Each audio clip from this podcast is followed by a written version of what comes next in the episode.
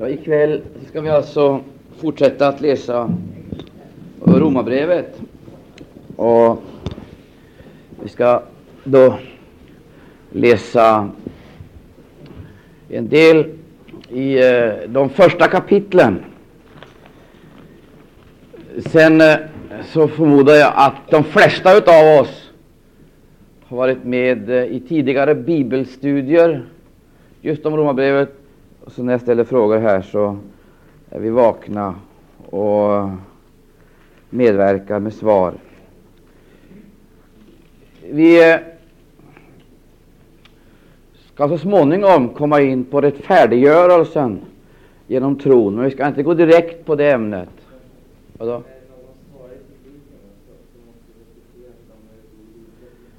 Jaha, jag ska göra det när det svaras där, så att det hörs. Ja. Har de kommit till vännerna i Örebro och Linköping? Va? Mm. Vi läser alltså i Romarbrevet eh, den vers som vi har betraktat som eh, nyckelversen. Det är ju liksom den vers som öppnar för oss hela det här eh, perspektivet, frälsnings, eh, frälsningshistorien. blir mera en, eh, en eh, skildring och en samling av historiska fakta det blir alltså ett profetiskt verksamt ord som är verksamt också nu. Och vi ska läsa, men vi ska läsa den där versen som liksom öppnar det här för oss. Därför att de föregående verserna gör klart, gör klart, gör klart vid handen att frälsningen aldrig kan reduceras till ett intellektuellt problem. Det kan aldrig bli ett intellektuellt problem utan det är ett trosproblem. Det är frågan om tro. Och det kan alltså det finns strängt taget ingen intellektuell lösning. Och läser vi nu den här versen, i den 17 versen i första kapitlet, så får vi klart för oss. Läser 17 versen. Varsågod, läs högt och ljudligt. Rättfärdighet från Gud uppenbaras nämligen däri av tro till tro. Så är också skrivet. Den rättfärdige skall leva av tro. Ja, innan vi går in i själva ämnet här nu, så låt oss med detsamma göra klart för oss att det finns inga möjligheter att intellektuellt fatta det här, eller logiskt bevisa eh, detta så att det skulle kunna tillgodose vårt krav på inre klarhet. Alltså vårt krav på inre klarhet. Det finns inte möjlighet att med historiska fakta bevisa eh, frälsningsverket på ett sådant sätt att vi intellektuellt eller att vi i vår inre värld skulle bli tillfredsställda. Vi ska ta ett ord här, eller några ord i det första kapitlet i eh, den tredje versen exempelvis. Det är ju en fullständig omöjlighet att eh, klargöra det här så att eh, bevis styrkan.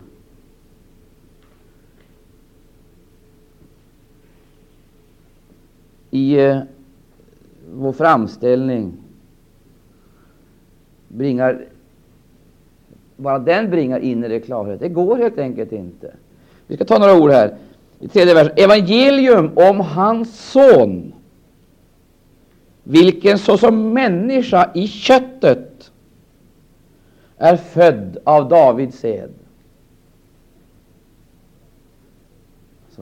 evangelium om hans son, vilken såsom människa i köttet är född av Davids sed.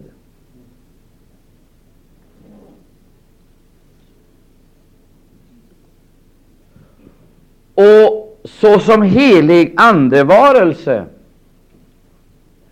är med kraft bevisad vara Guds son, alltifrån uppståndelsen från de döda, ja, evangelium om Jesus Kristus, vår Herre.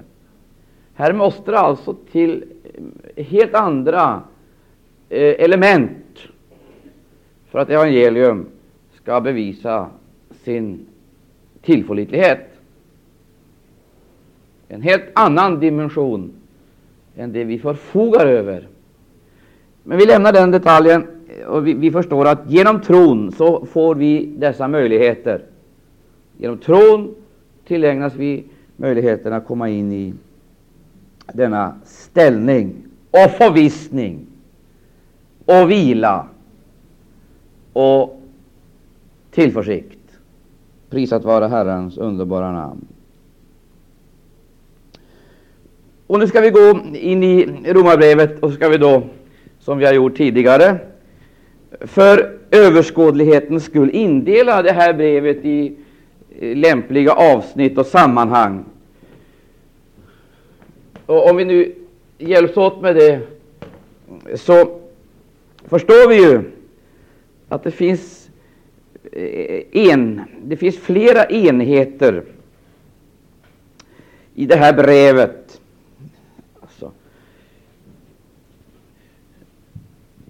Som eh, behandlar olika områden utav den här frälsningen. Vi kan tala om den första delen, och den andra delen och den tredje delen. Vi skulle också kunna tala om den fjärde. Men nu ska jag här i det här bibelstudiet göra någonting som jag inte har gjort tidigare. Jag ska nämligen eh, naturligtvis Eh, sysslar syssla med den här första delen som vi kan säga omfattar de första kapitlen fram till vilket kapitel?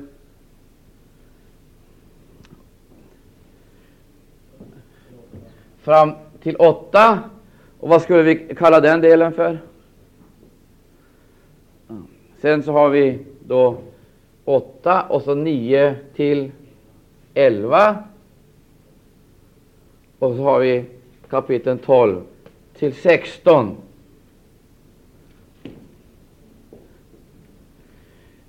Om vi skulle nu försöka för, för att för enkelhetens skull och överskådlighetens skull försöka rubricera de här tre delarna, vad skulle vi då ge dem för namn? Det kan vara för överskådlighetens skull vara värdefullt liksom att ha en uh, rubricering på de här olika bibeldelarna. Eh, det här exempelvis kanske är det lättaste. Den här delen. Vad skulle vi kalla den för? Vad behandlar just de här kapitlen 9 och 11? Vi, vi ska inte dra oss här för att ta upp det här lite vanskliga, det här lite svåra, utan vi ska ta det också, även om vi naturligtvis hinner fördjupa oss i det. Man talar om, eh, vi talar exempelvis om judafolket och judafolkets upprättelse. Inte sant? Och, och det är väl det, det, som speciellt behandlas i kapitel 9 och 11, det är judafolkets upprättelse. Och det ska ske under en viss period, under en viss epok.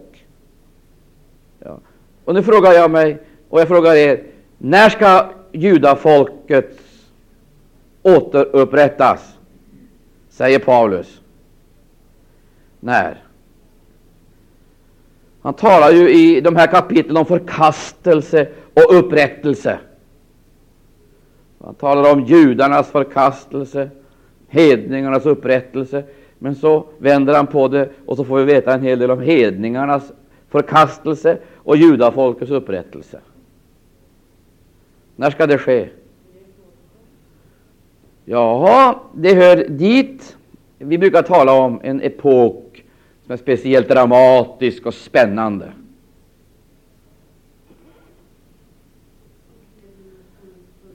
Ja, eh, vad kallar vi den tiden för?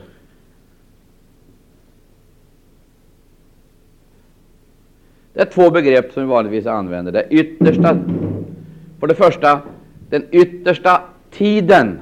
Inte sant? Har ni hört talas om det för? Ja. Fantastiskt. Sen, till den yttersta tiden hör också, så talar man också om de yttersta dagarna. Där har vi alltså två begrepp. Vi skulle kunna tala om två tidsbegrepp. Och nu frågar jag här, vad är det för skillnad på den yttersta tiden och de yttersta dagarna? Va? Va?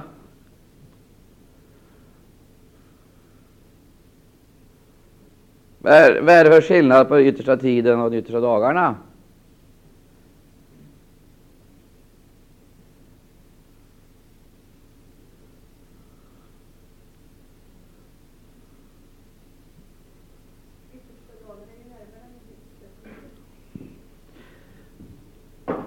Oj då.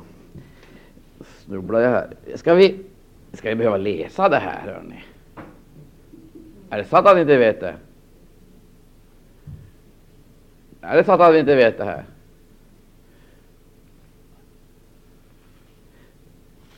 Vi går till första Johannes brev då. Ja, ja, nu blir jag väl ledsen. Vad är det för predikanter ni har i den här församlingen? Va?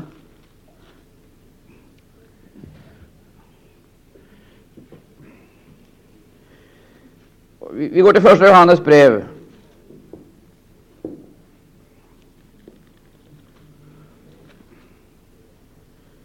Och ska vi där läsa i, eh, i det andra kapitlet och den artonde versen. Men det här ska ni ta med nu, det här ska ni ta med nu och, och behärska sen när vi ställer frågor. Jag kommer återvända, jag kommer återvända oupphörligt till de här sakerna. Därför att vi, vi ska få det här klart för oss. Eh, läs den 18 versen, varsågod. Mina barn, nu är den yttersta tiden.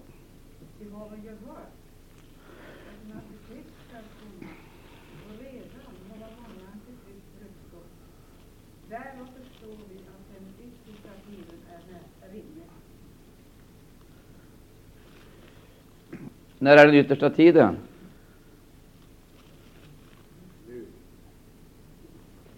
Va? Ja, yttersta tiden, det handlar alltså om församlingen period. Det är ju så att frälsningshistorien kan indelas i olika epoker. Och vanligtvis så brukar man väl indela det i sju epoker. Det brukar man väl tala om. Är det någon som kan tala om för vilka är? Den första den första epoken är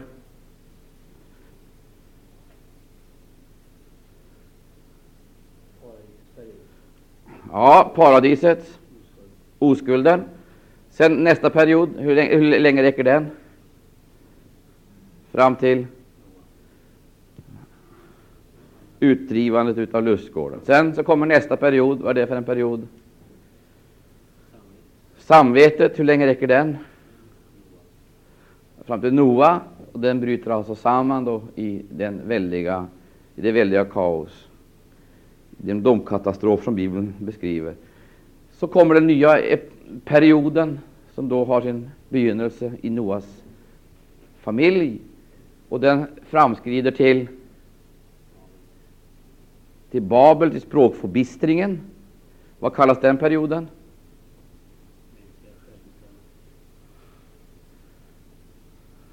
Har ni inte hört det här? Gode Gud.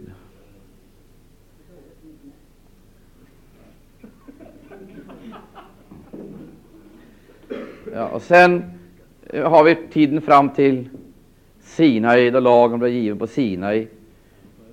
Va? Ja, vad kallas den tiden? Ja, vad kallas den tiden? Abrahams uttagande, utkårelsen eh, Eh, sen fram, perioden fram till Sinai och sen har vi epoken från Sinai till, till Golgata. Ja. Och de här, det finns olika namn på alla de här perioderna. Man brukar att dela in frälsningshistorien så. Det är också för överskådlighetens skull. Det är klart att det finns, det finns eh, historiska eh, möjligheter att på det sättet så att säga urskilja de här epokerna. De avgränsas klart ifrån varandra. Och en av de här epokerna, den sista eller näst sista nu då, Den kallar vi för, för vad kallar vi den för? Ja, ja, det har vi ett uttryck. Yttersta tiden, det är ett, det finns ett annat.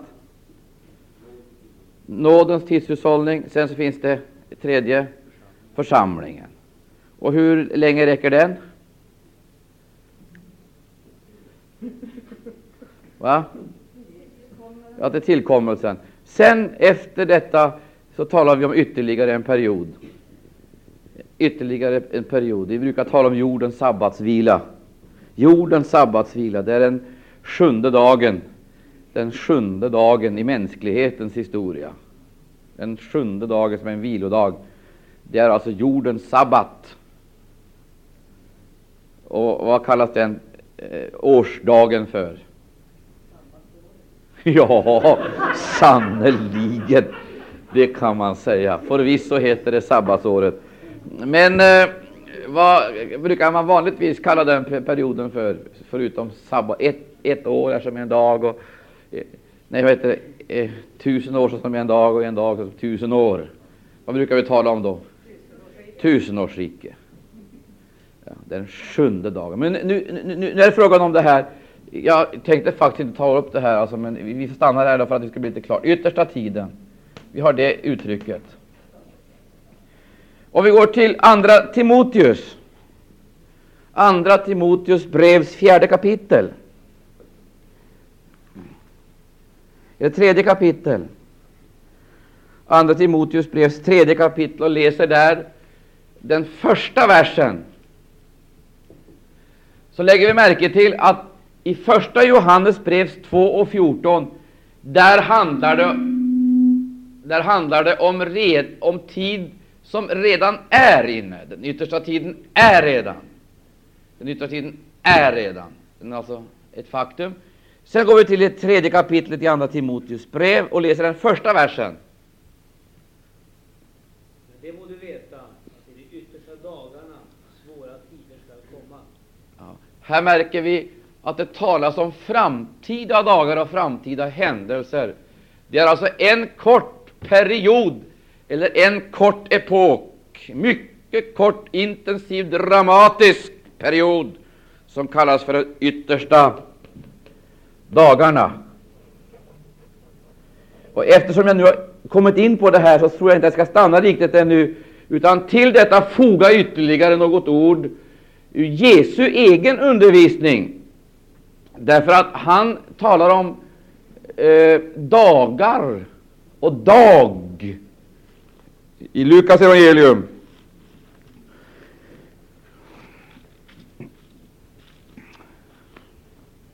Lukas evangelium. Och där ska vi läsa med varandra eh, i eh, det sjuttonde kapitlet.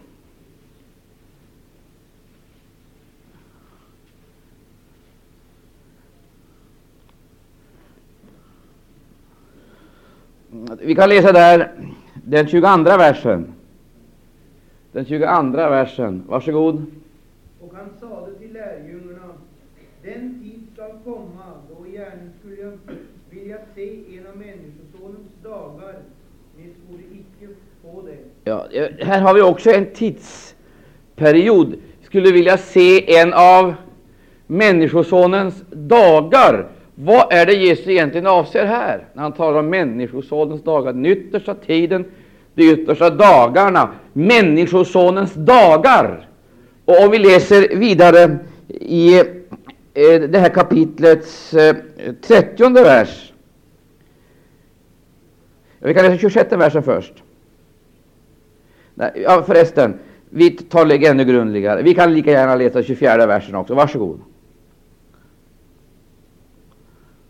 Ty såsom ljungelden, när den ljungar fram, lyser från himlens ena ända eh, till den andra, så skall det vara med Människosonen på hans dag. Alltså här har vi Människosonens dag. Icke sant? Människosonens dagar och Människosonens dag. Går vi till den 26 versen. Och så som det skedde på Noas tid, så skall det också ske i Människosonens dagar. Lägger vi märke till det? Människosonens dagar. Det är ett mycket viktigt uttryck just i det här sammanhanget. För det första så lägger vi märke till att det handlar om en tidsperiod. För det, det handlar om Noas tid. Så ska det ske i Människosonens dagar. Och nu skulle jag vilja ställa frågan, hur lång tid var Noas tid?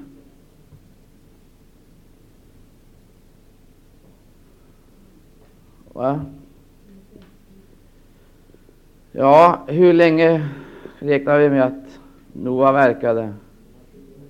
Ja. Och så lägger märke till, vad hände när Noa hade förkunnat sitt budskap, både teoretiskt, alltså både proklamationen och demonstrationen, då han förkunnade och byggde? Vad var slutresultatet av den förkunnelsen? Alltså det synliga resultatet av hans eh, förkunnelse, det, vad, vad var det? Förutom att arken blev färdigställd så står det ju också eh, hur stor skaran var som blev frälst genom hans verksamhet, 100, över hundraåriga verksamhet. Det var, det var alltså åtta, det var slutresultatet. Men han eh, Det står på Noas tid. Så ska det ske i Människosonens dagar. Vi observerar pluralformen där. Så ska vi gå, läsa vidare. Vi, vi ska se Människosonens dag och Människosonens dag. I 26 versen, ja. Vi går vidare till eh, den 30 versen.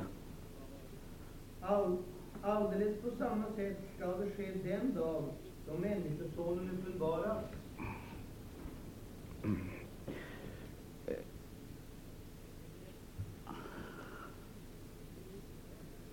På den dag då Människosonens uppenbaras. Vad är då skillnaden på Människosonens dag och Människosonens dagar?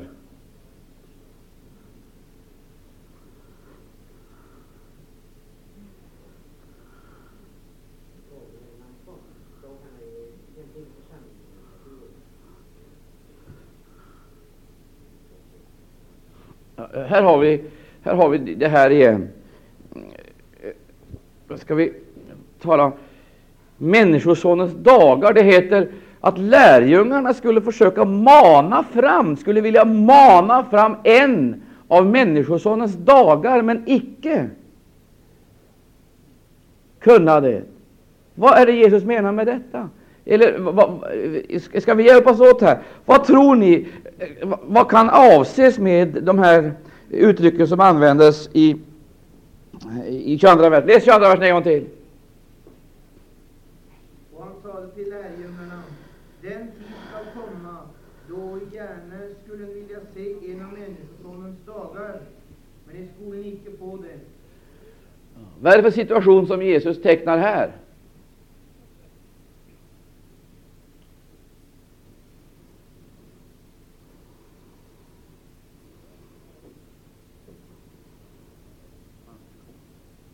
Sen så heter det, det är detta sökande folk, detta sökande folk som ska ge sig ut på många utav det äventyr som skriften beskriver för oss. Till nästa versarna, läs de nästa två verserna, där får vi veta vad det egentligen handlar om. Det är sökande människor. Vem skall man då säga till eder, se där är han, eller se här är han, men gå icke dit och löp icke därefter. Ty såsom djungeln, när den ljungar fram, lyser från himmelens ena ända till den andra, så skall det vara med Människosonen och hans dag. Ja, och då ställer jag helt kort bara den här frågan och så avslutar vi det här. Nu frågar jag med er här, handlar detta alltså om Jesu tillkommelse för att hämta sin församling? För att hämta församlingen? Är det det handlar om?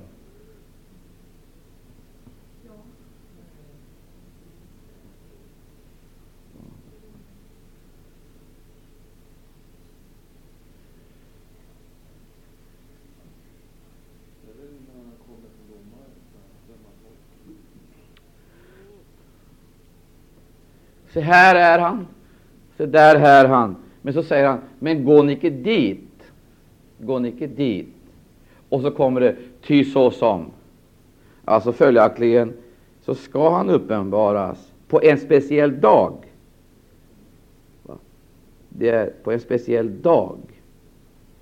Nu är frågan fortfarande den, vad kan Människosonens dagar vara? Och Människosonens dag?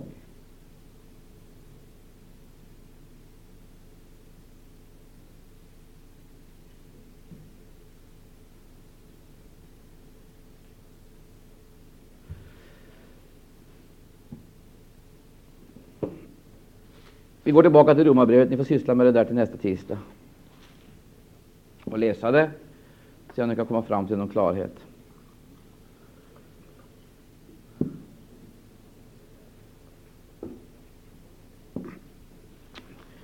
Alltså, det är frågan om det som ska ske under de yttersta dagarna, Människosonens dagar. Kan det handla om den yttersta tiden eller de yttersta dagarna? Och är begreppet Människosonens dag, så att säga,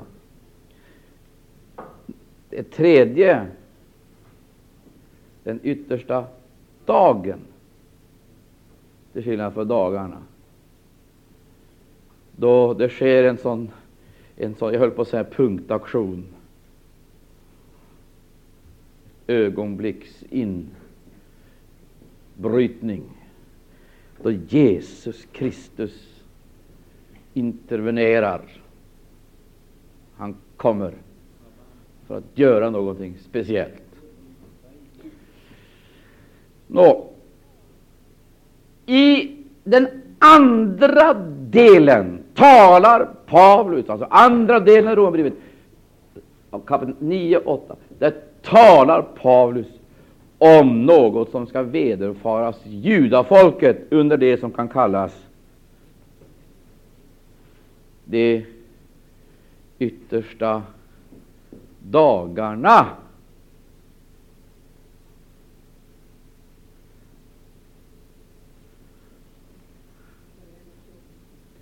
Och jag tror personligen att Lukas 17 hör hit. Men jag ska inte säga något mer nu, därför att vi ska inte ha en diskussion om eskatologin. Vi nöjer oss med att konstatera att den här perioden handlar om det rent eskatologiska. Och vad är eskatologi för någonting, Agneta? Vet du det?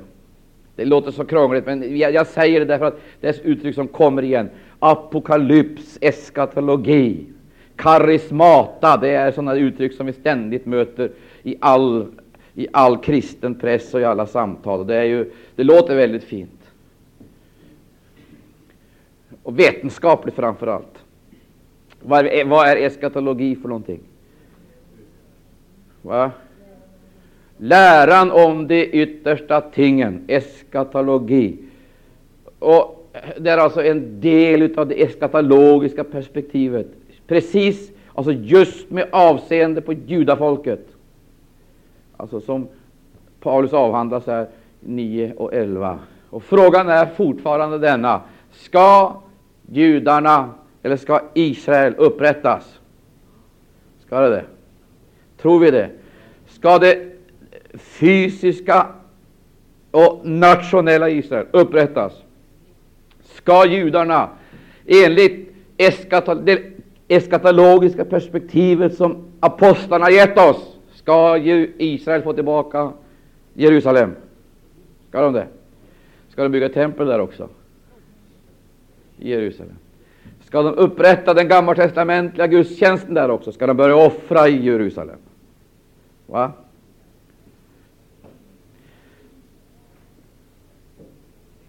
Men hur är det nu? Ska Israel få tillbaka landet? Är vi eniga? Det svarar vi Amen. Fyra stycken.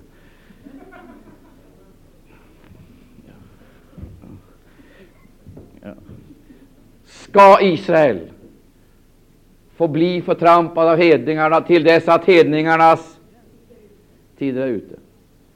Finns det två epoker i Israels uppvaknande?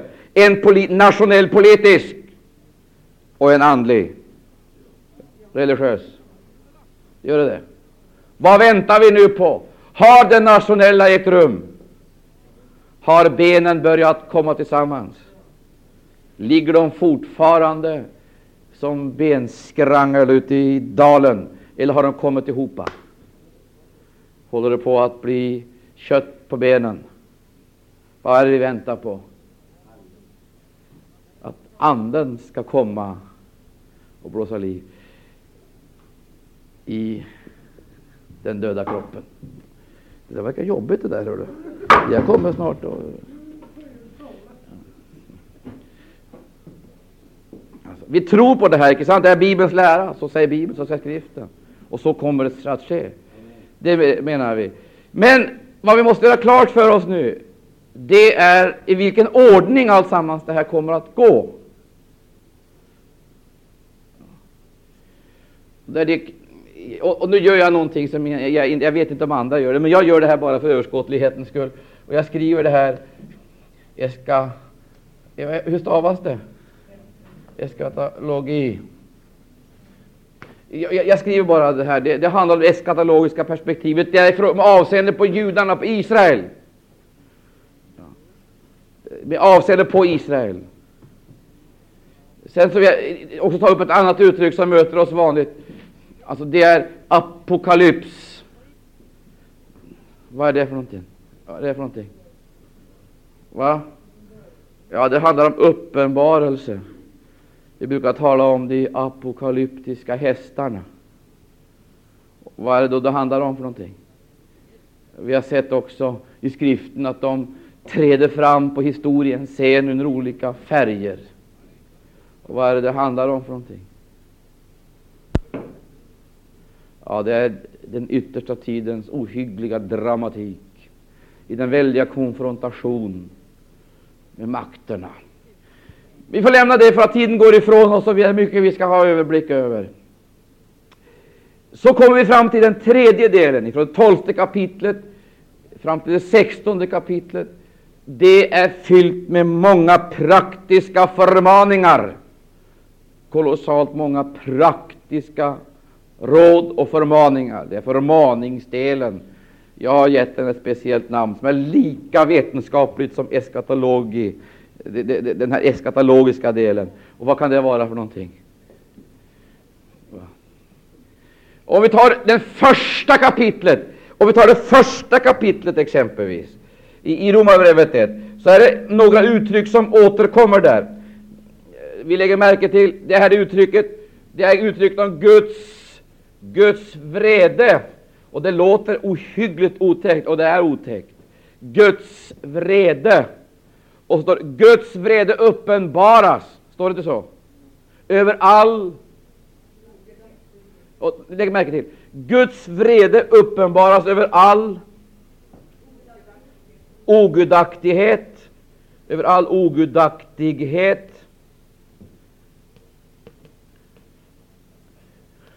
Varför står det ogudaktighet?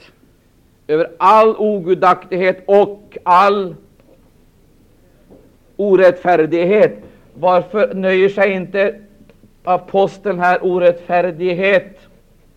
Varför nöjer han sig inte med det ena, utan förstärker så att säga det ena med det andra? Han förstärker. Guds vrede uppenbaras över all ogudaktighet. Och orättfärdighet. Och så står det vidare, läs. Jag lägger märke till, över, observera, människor som i orättfärdighet undertrycka sanningen. Och, och så vidare. En, en mening till. Läs det! Vad man kan känna om Gud är nämligen uppenbart bland dem Gud har ju uppenbarat sig för dem. Ja, observera. Det är parallelliteten här som jag vill att ni ska observera. För det första, ogudaktighet, orättfärdighet. Det börjar med ogudaktighet och orättfärdighet. Men vad slutar det med? Ett rättfärdigt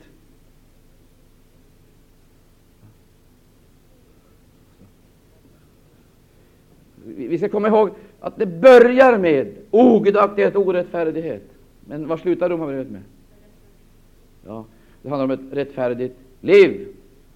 Ett liv i rättfärdighet. Och vad har han då gjort? Vad har han då gjort? På vägen fram till den här delen har han öppnat frälsningens perspektiv för oss. Och nu, nu gör vi en liten parentes här. Därför att just de här begreppen står icke staplade liksom på varandra av en tillfällighet. Det är inte bara så att Paulus helt plötsligt blev så oerhört inspirerad när han skrev det, så att han hittade inte ord som var tillräckligt starka. Utan det är så att varje ord berör olika områden, olika dimensioner. Alltså, ogudaktigheten, det berör den här linjen, riktningen. Det är frågan om vertikala, den vertikala riktning, vårt förhållande, Guds förhållande, ogudaktighet. Och det handlar alltså om tro. Det handlar om tro. Men orättfärdighet hos människor som i orättfärdighet undertrycker sanningen. Där handlar det om en horisontal linje. I det ena fallet gäller det vårt förhållande till Gud. I det andra fallet gäller det vårt förhållande till omgivningen, till medmänniskorna. Sen utifrån detta gudsförhållande och förhållandet till omgivningen beskrivs sedan i den sista delen av kapitlet den miljö som människan skapar. Och vad är det som bestämmer miljön? Vad är det som bestämmer miljön? Ja, för det första så är det tron. Här handlar det om tro. Och i förhållande till medmänniskorna, vad handlar det om då? Då handlar det om moral. Vad är det som bestämmer miljön?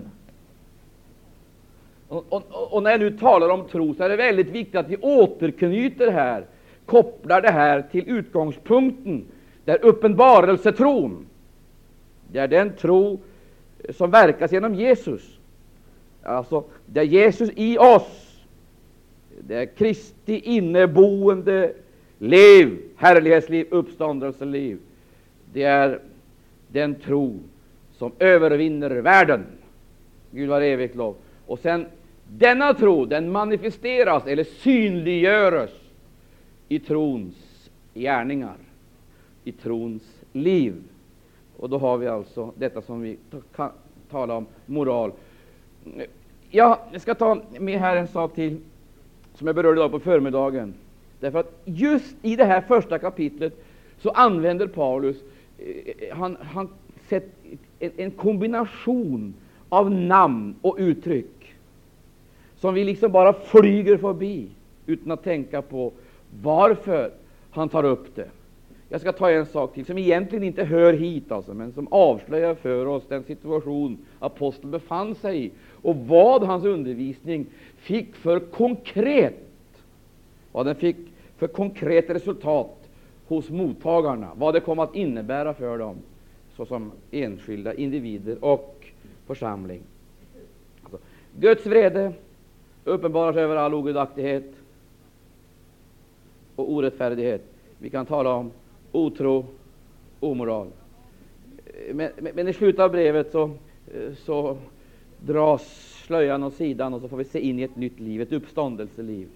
Halleluja, som genom Jesu Kristi blod och genom vattnets välsignade kraft och den heliga Andes mäktiga uppenbarelse möjliggöres i den kristnes liv, vare sig han är jude eller grek. Och, och, och, och, då innebär denna återupprättelse individuell, individuell inplacering i ett gudomligt sammanhang, i en gudomlig tjänst, i en gudomlig funktion. Ära vare Gud i harmoni med Guds fullkomliga vilja. Och därför kan vi tala om den upprättelsen, den synliggörs alltså. Det är ingenting som sker på det osynliga planet allenast, utan den synliggörs, manifesterar sig i det vi skulle kunna kalla etiska gärningar, etik, kristen etik. Så har det blivit lite vetenskapliga igen. Eskatologi, etik, kristen moral. Nu håller jag på att försöka att spola bort uttrycket kristen. Jag, jag, jag, jag tycker vi ska försöka att eh, eh, så jag spola bort. Det låter modernt, men knappast vackert. Eh, jag, jag, tycker vi ska, jag tycker vi ska ta bort det uttrycket kristen, för det betyder allting och ingenting. Och Paulus använder aldrig, aldrig, aldrig använder han det. Han talar om den vägen. Och en ny och levande väg. Jag tror att det är väldigt viktigt att vi börjar tala om den vägen nu. Den vägen, som till skillnad alla andra vägar. Och den nya vägen, den som är lagd mellan Golgata och Jerusalem. Börjar tala om vägen, den nya vägen och den vägen. Ja, det är också en parentes. Nå, eh, han använde aldrig ordet kristen, därför att det, det är så vilseledande. Därför att, och när jag talar här om etik och moral så menar jag inte moralfilosofi. Jag menar icke moralfilosofi. I, så, så det, det, handlar inte om eh, grekisk, hellenistisk moralfilosofi, utan det handlar om evangelium. Och helgelse.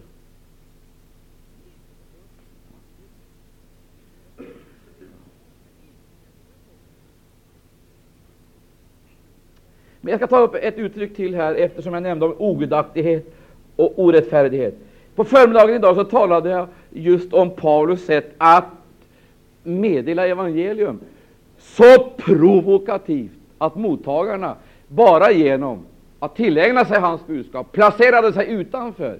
Jag tänk att de placerade sig utanför, eller ännu hellre ovanför alla andra kategorier. Och Det här måste man säga med viss försiktighet, därför att man kan tro att det ligger självmedvetenhet eller självöverskattning eller någonting dylikt i det, högmod eller någonting sånt. Men ett faktum är att då han presenterar evangelium, då gör han det på ett så provokativt sätt att mottagarna i det ögonblicket de bejakar det placerar sig utanför kategorierna. Alla kategorier. Jag ska ta bara några uttryck som vi, som, som vi sveper förbi utan att tänka ett enda ögonblick på vad det innebär. Och jag vet inte, jag har hört genom Jesusrörelsen, så hör jag ofta det här, Jesus, Herre, Herren, Herren lever. Herren, har ni hört det här? Det märkliga, att det har blivit så underligt, måste, det har blivit, det har inte blivit, va? Det har blivit Herren. Om Herren vill det om, om Herren leder.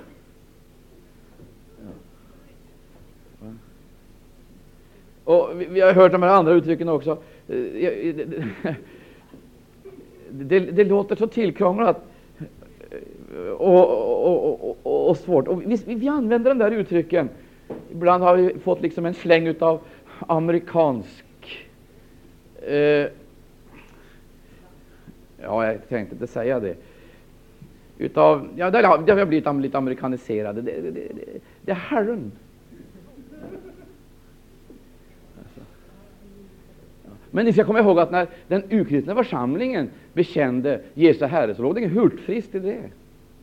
Något hurtfriskt eller något eh, eh, mod, modernt. Tvärtom, det var ju fruktansvärt att, predik, att förkunna Jesus är Herre. Och vi ska läsa här i det första kapitlet i, Romarbrevet. Jag är helt medveten om att det här är en liten parentes som jag går in på. Därför att jag tycker att det här är så oerhört viktigt. Jesus är född, heter det.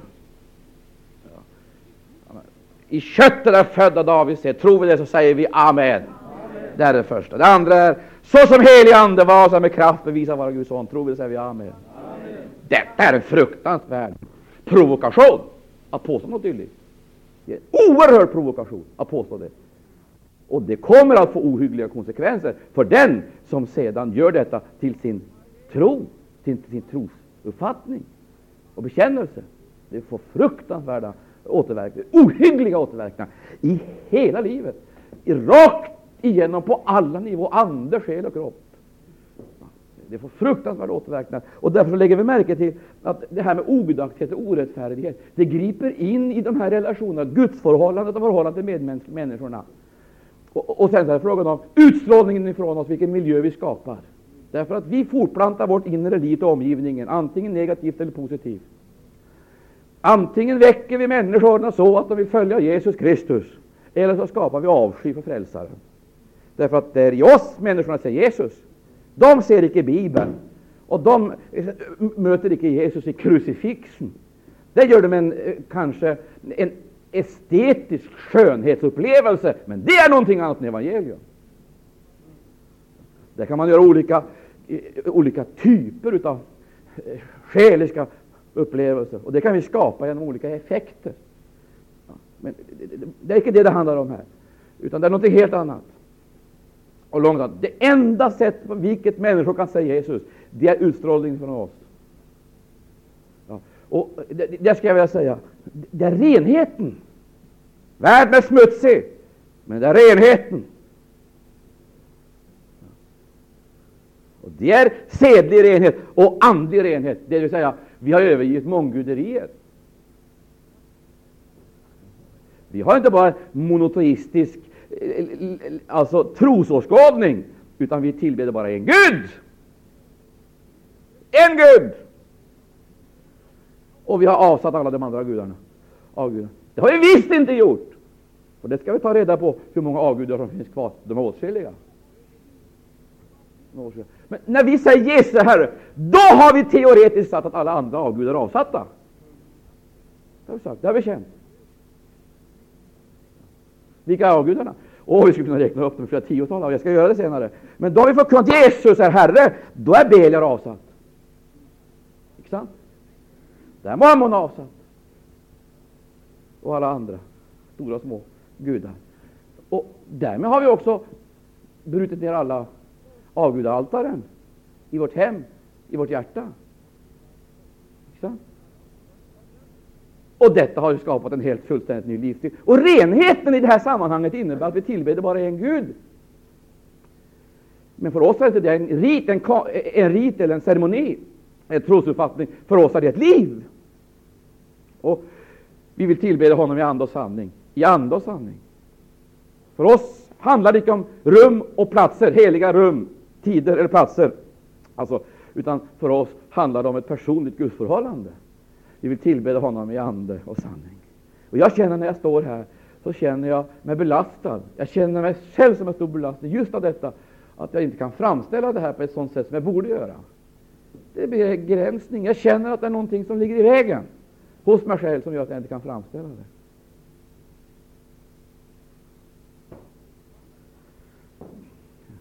Jag skulle göra det på ett mycket finare, mer levande, attraktivt, underbara sätt. För det är underbart. Det är helt fantastiskt att komma in under trons herravälde. Det vill säga, aposteln strävade för att alla hedningarna skulle komma in under Kristi välde, under trons lydnad. För det arbetade han, för det led han, för det stred han, för det kämpade han. Men om detta skulle ske, då måste det bli en radikal uppgörelse med hela det förflutna.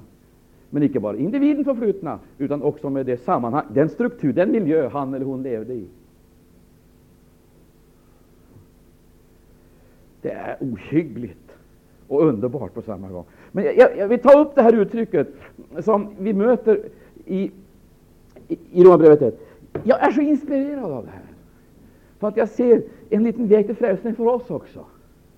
Fanns det hopp för Eh, för romarna och, och, och, den första kristna församlingen, som på många punkter var så desillusionerad och bortkommen, så må det finnas hopp för oss. Och lever vi i en fruktansvärt svår tid och vi lever i de yttersta dagarna, så har vi faktiskt löfte om att vi ska få en speciell andekraft hemifrån, som gör det möjligt för oss att fungera i överensstämmelse med Jesu eget ord. Tror du det, så säg amen. amen.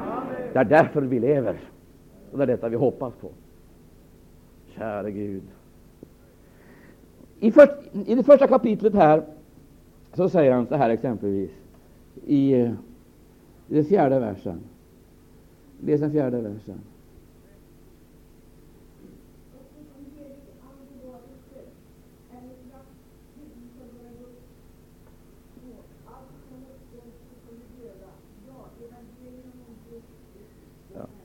Vilken provokation!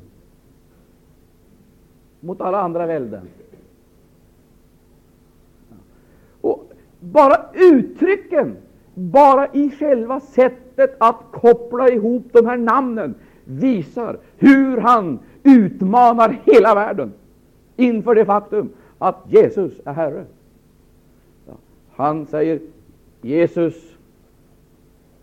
Kristus,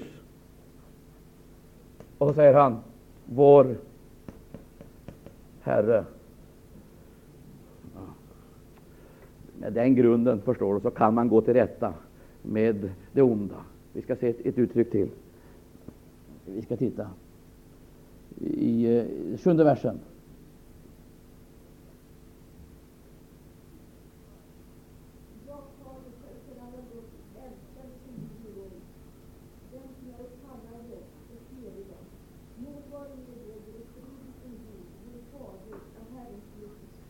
Jag tror han staplar alla de här namnen på varandra?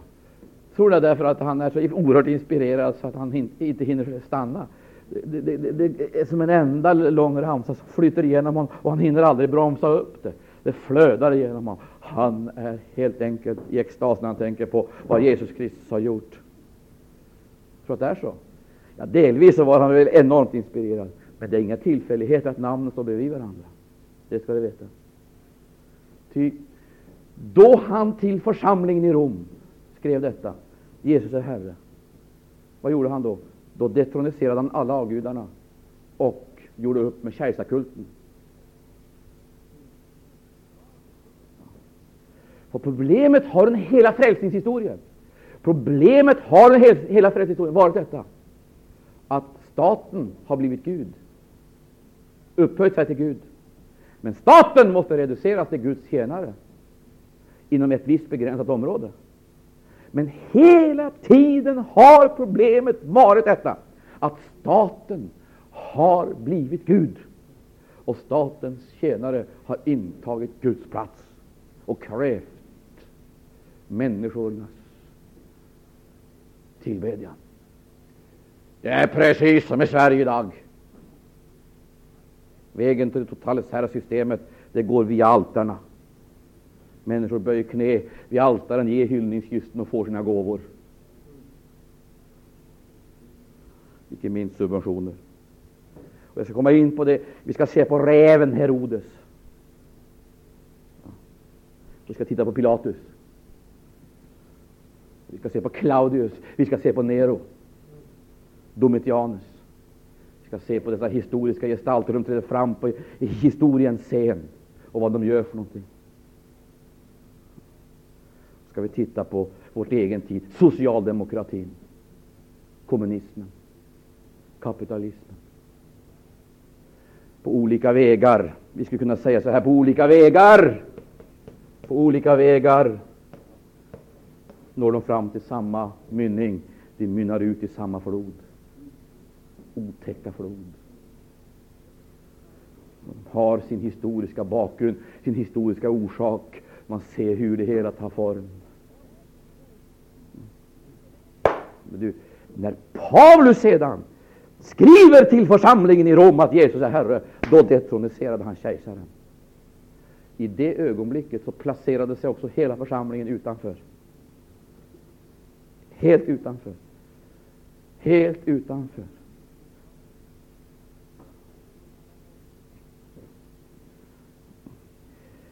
Jag vet att det här är, det här är hårt och det, det, blir svårt, jag ska säga, jag är medveten om det. Jag, jag, jag bevar för det. Jag ska tala om för jag bevar så, för att säga de här sakerna, därför att jag vet vad det leder fram till. En del tror att vi säger det därför att vi vill ha martyrkronan. Vi söker inte martyriet som sådant för dess egen skull. Vi söker att föra lammet. Men det är problematiskt. Det blir svårare och svårare. Därför måste vi bli mer och mer vakna och klarare och klarare så vi kan se vilddjuret i alla dess uppenbarelseformer.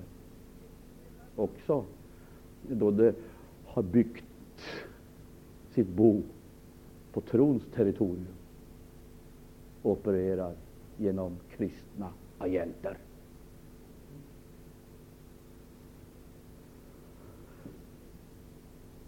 Ja, jag ska ta, om jag ska helt uppriktigt så upplever jag den här kampen så intensiv ibland så jag känner mig nästan det, det, är nästan som att bli vansinnig. Jag ska inte förneka det. Det är nästan så det går. Man blir vansinnig. Jag förstår, du är förryckt Paulus. Du är inte klok. Och det är faktiskt så i kampen med makterna, i denna oerhörda strid mot blocken, upplever man inte bara ensamheten som eh, en eh, eh, geografisk eller psykologisk situation, utan som en andlig realitet. För det är ohyggligt att möta människor som bekänner sig vara kristna och uppleva samtidigt att man känner sig som flera ljusår ifrån dem. Det är fruktansvärt höra människor sitta och sjunga i samma sångbok och säga samma sak, Jesus är Herre, och så känna det att man är flera ljusår borta ifrån det. Har inget med att göra. Och det är min Herre Jesus Kristus de håller på och, och behandlar på det här viset. Det är honom som de smedar och ständigt gör sig skyldiga till majestätsbrott. De har gjort om Jesus, han ska passa för världen.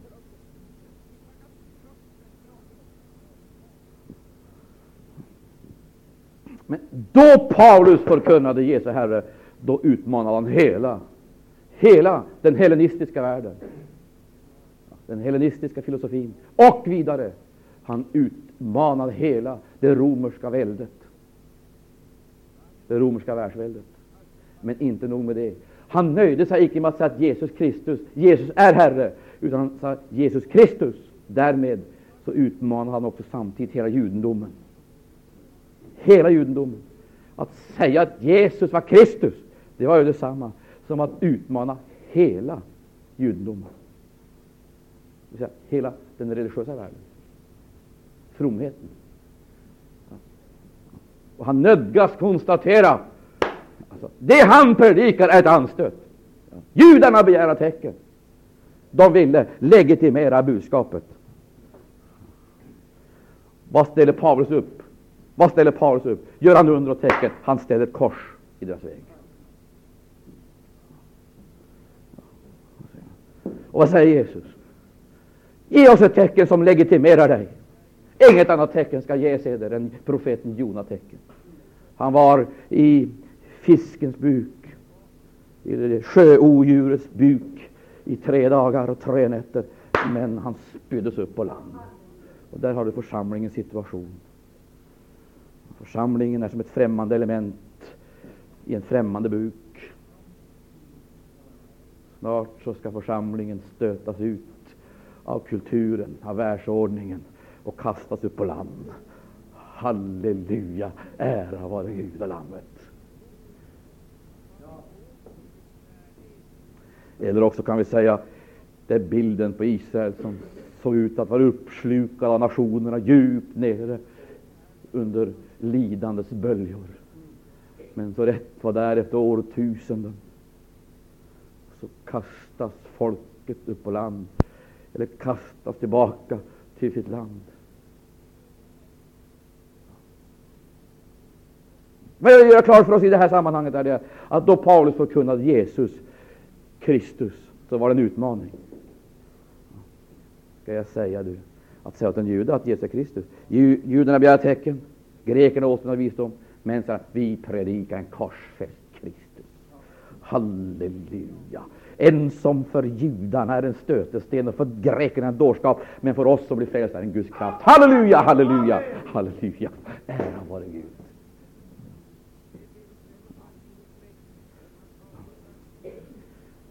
Gud vare evigt lov.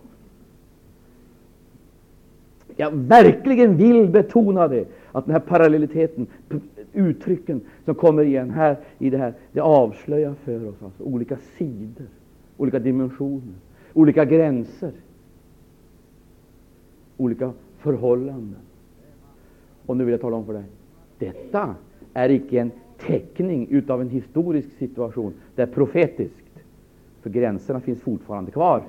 Det är bara det att de har blivit igenväxta eller flyttade och grupperingarna, maktblocken, som förkroppsligar detta som då provocerades fram till aktiviteter av olika slag, till gensägelser, till eh, ingripanden i form av förföljelser. finns fortfarande kvar. Låt dig icke bedras. Fienderna finns på närmare håll än i Mellanöstern, Sovjetunionen och Kina. Vi har allt sammans. Vi har fariseismen. Vi har herodianerna. Vi har sadduceerna. Vi har epikureerna. Vi har stoicismen. Ja, vi har alltihop i vårt eget land. På mycket nära håll. Ja.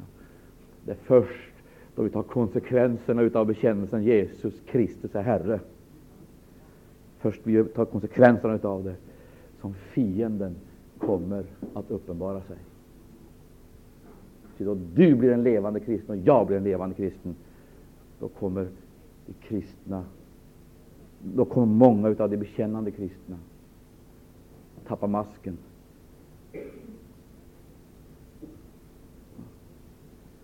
Och allt det här religiösa kamouflaget bakom ord och skrivna bekännelser att ramla av. Vi kommer att se den verklighet som döljer sig under sanningen om Jesu Kristi kors, som delar mänskligheten i två grupper.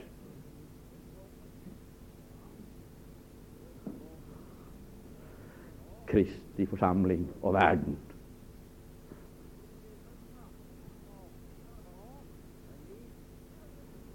Och där ska jag sluta ikväll. Jag ska bara lägga till här eskatologiska, etiska. Så vad gäller den första delen, 1 till 8, vad handlar det om? Va? Ja, vad handlar det om?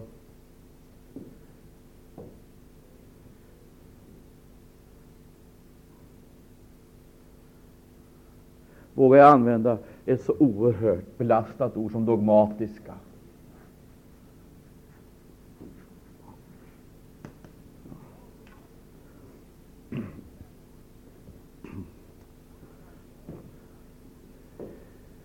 Kära Herre Jesus Kristus. Jesus är Herre. Maranata.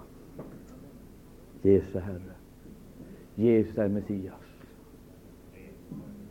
Halleluja! Ära vare Gud.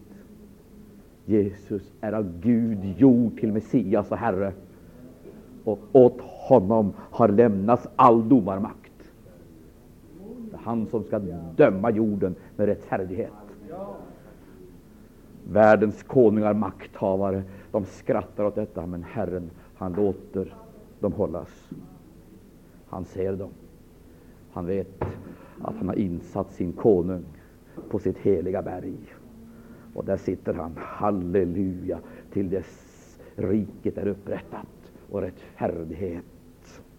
Gud var evigt lov. Rättfärdighet skipad i mänskligheten och i hela skapelsen. Tror du det så säg amen. amen. Så tackar vi Jesus. Någon leder oss i bön. Herre Jesus, vi prisar och lovar dig. Kära Jesus. Tack för ord som vi har fått lyssna Oh, halleluja! Var fri, var fri. Halleluja! Oerhört mäktigt budskap. Det förstår vi varenda en, att Satan har varit angelägen om att förstöra det här. Och det är ett ohyggligt vapen emot hela hans välde. Evangeliet. Åh, oh, vilken makt det är evangeliet! Åh, oh, vilken makt! Och den människan, Det finns ingen makt som icke är besegrad. I princip är allt besegrat. Vi kan uppleva lidanden. och svårigheter och också lida nederlag. Men vi ska komma ihåg en sak. Det är temporärt tillfälle. Snart så ska alltsammans avslutas i församlingens underbara sluttriumf. Och vi möter Jesus. Halleluja. Åh, vilken seger! Åh, vilken hemlighet! Åh, vilken kraft! Och det spelar ingen det, vilken dimension du än försöker att pejla det här, så upptäcker du det finns ingenting som är jämförbart. Det är överlägset allting. Djup, bredd, höjd, längd. Evangelium är överallt, utanför allt, överallt. Halleluja. Det är, det, det är högsta höjder och det största djup. Och det är den underbaraste längd. Det vill säga, du går rakt in i oändligheten. Det är så fantastiskt. Fri. Och det är oh, en kolossal bredd. Halleluja. Jag har just läst den här om herre, jud och grek. Härlig man eller kvinna. Förstår vilken bredd. Alltsammans fångat in denna den härliga bredden. Det är alla vet i Kristus. Glory, glory, glory. Tänk när slavarna fick höra Jesu Herre. Och herrarna fick höra att Jesus har lidit döden för deras slavar.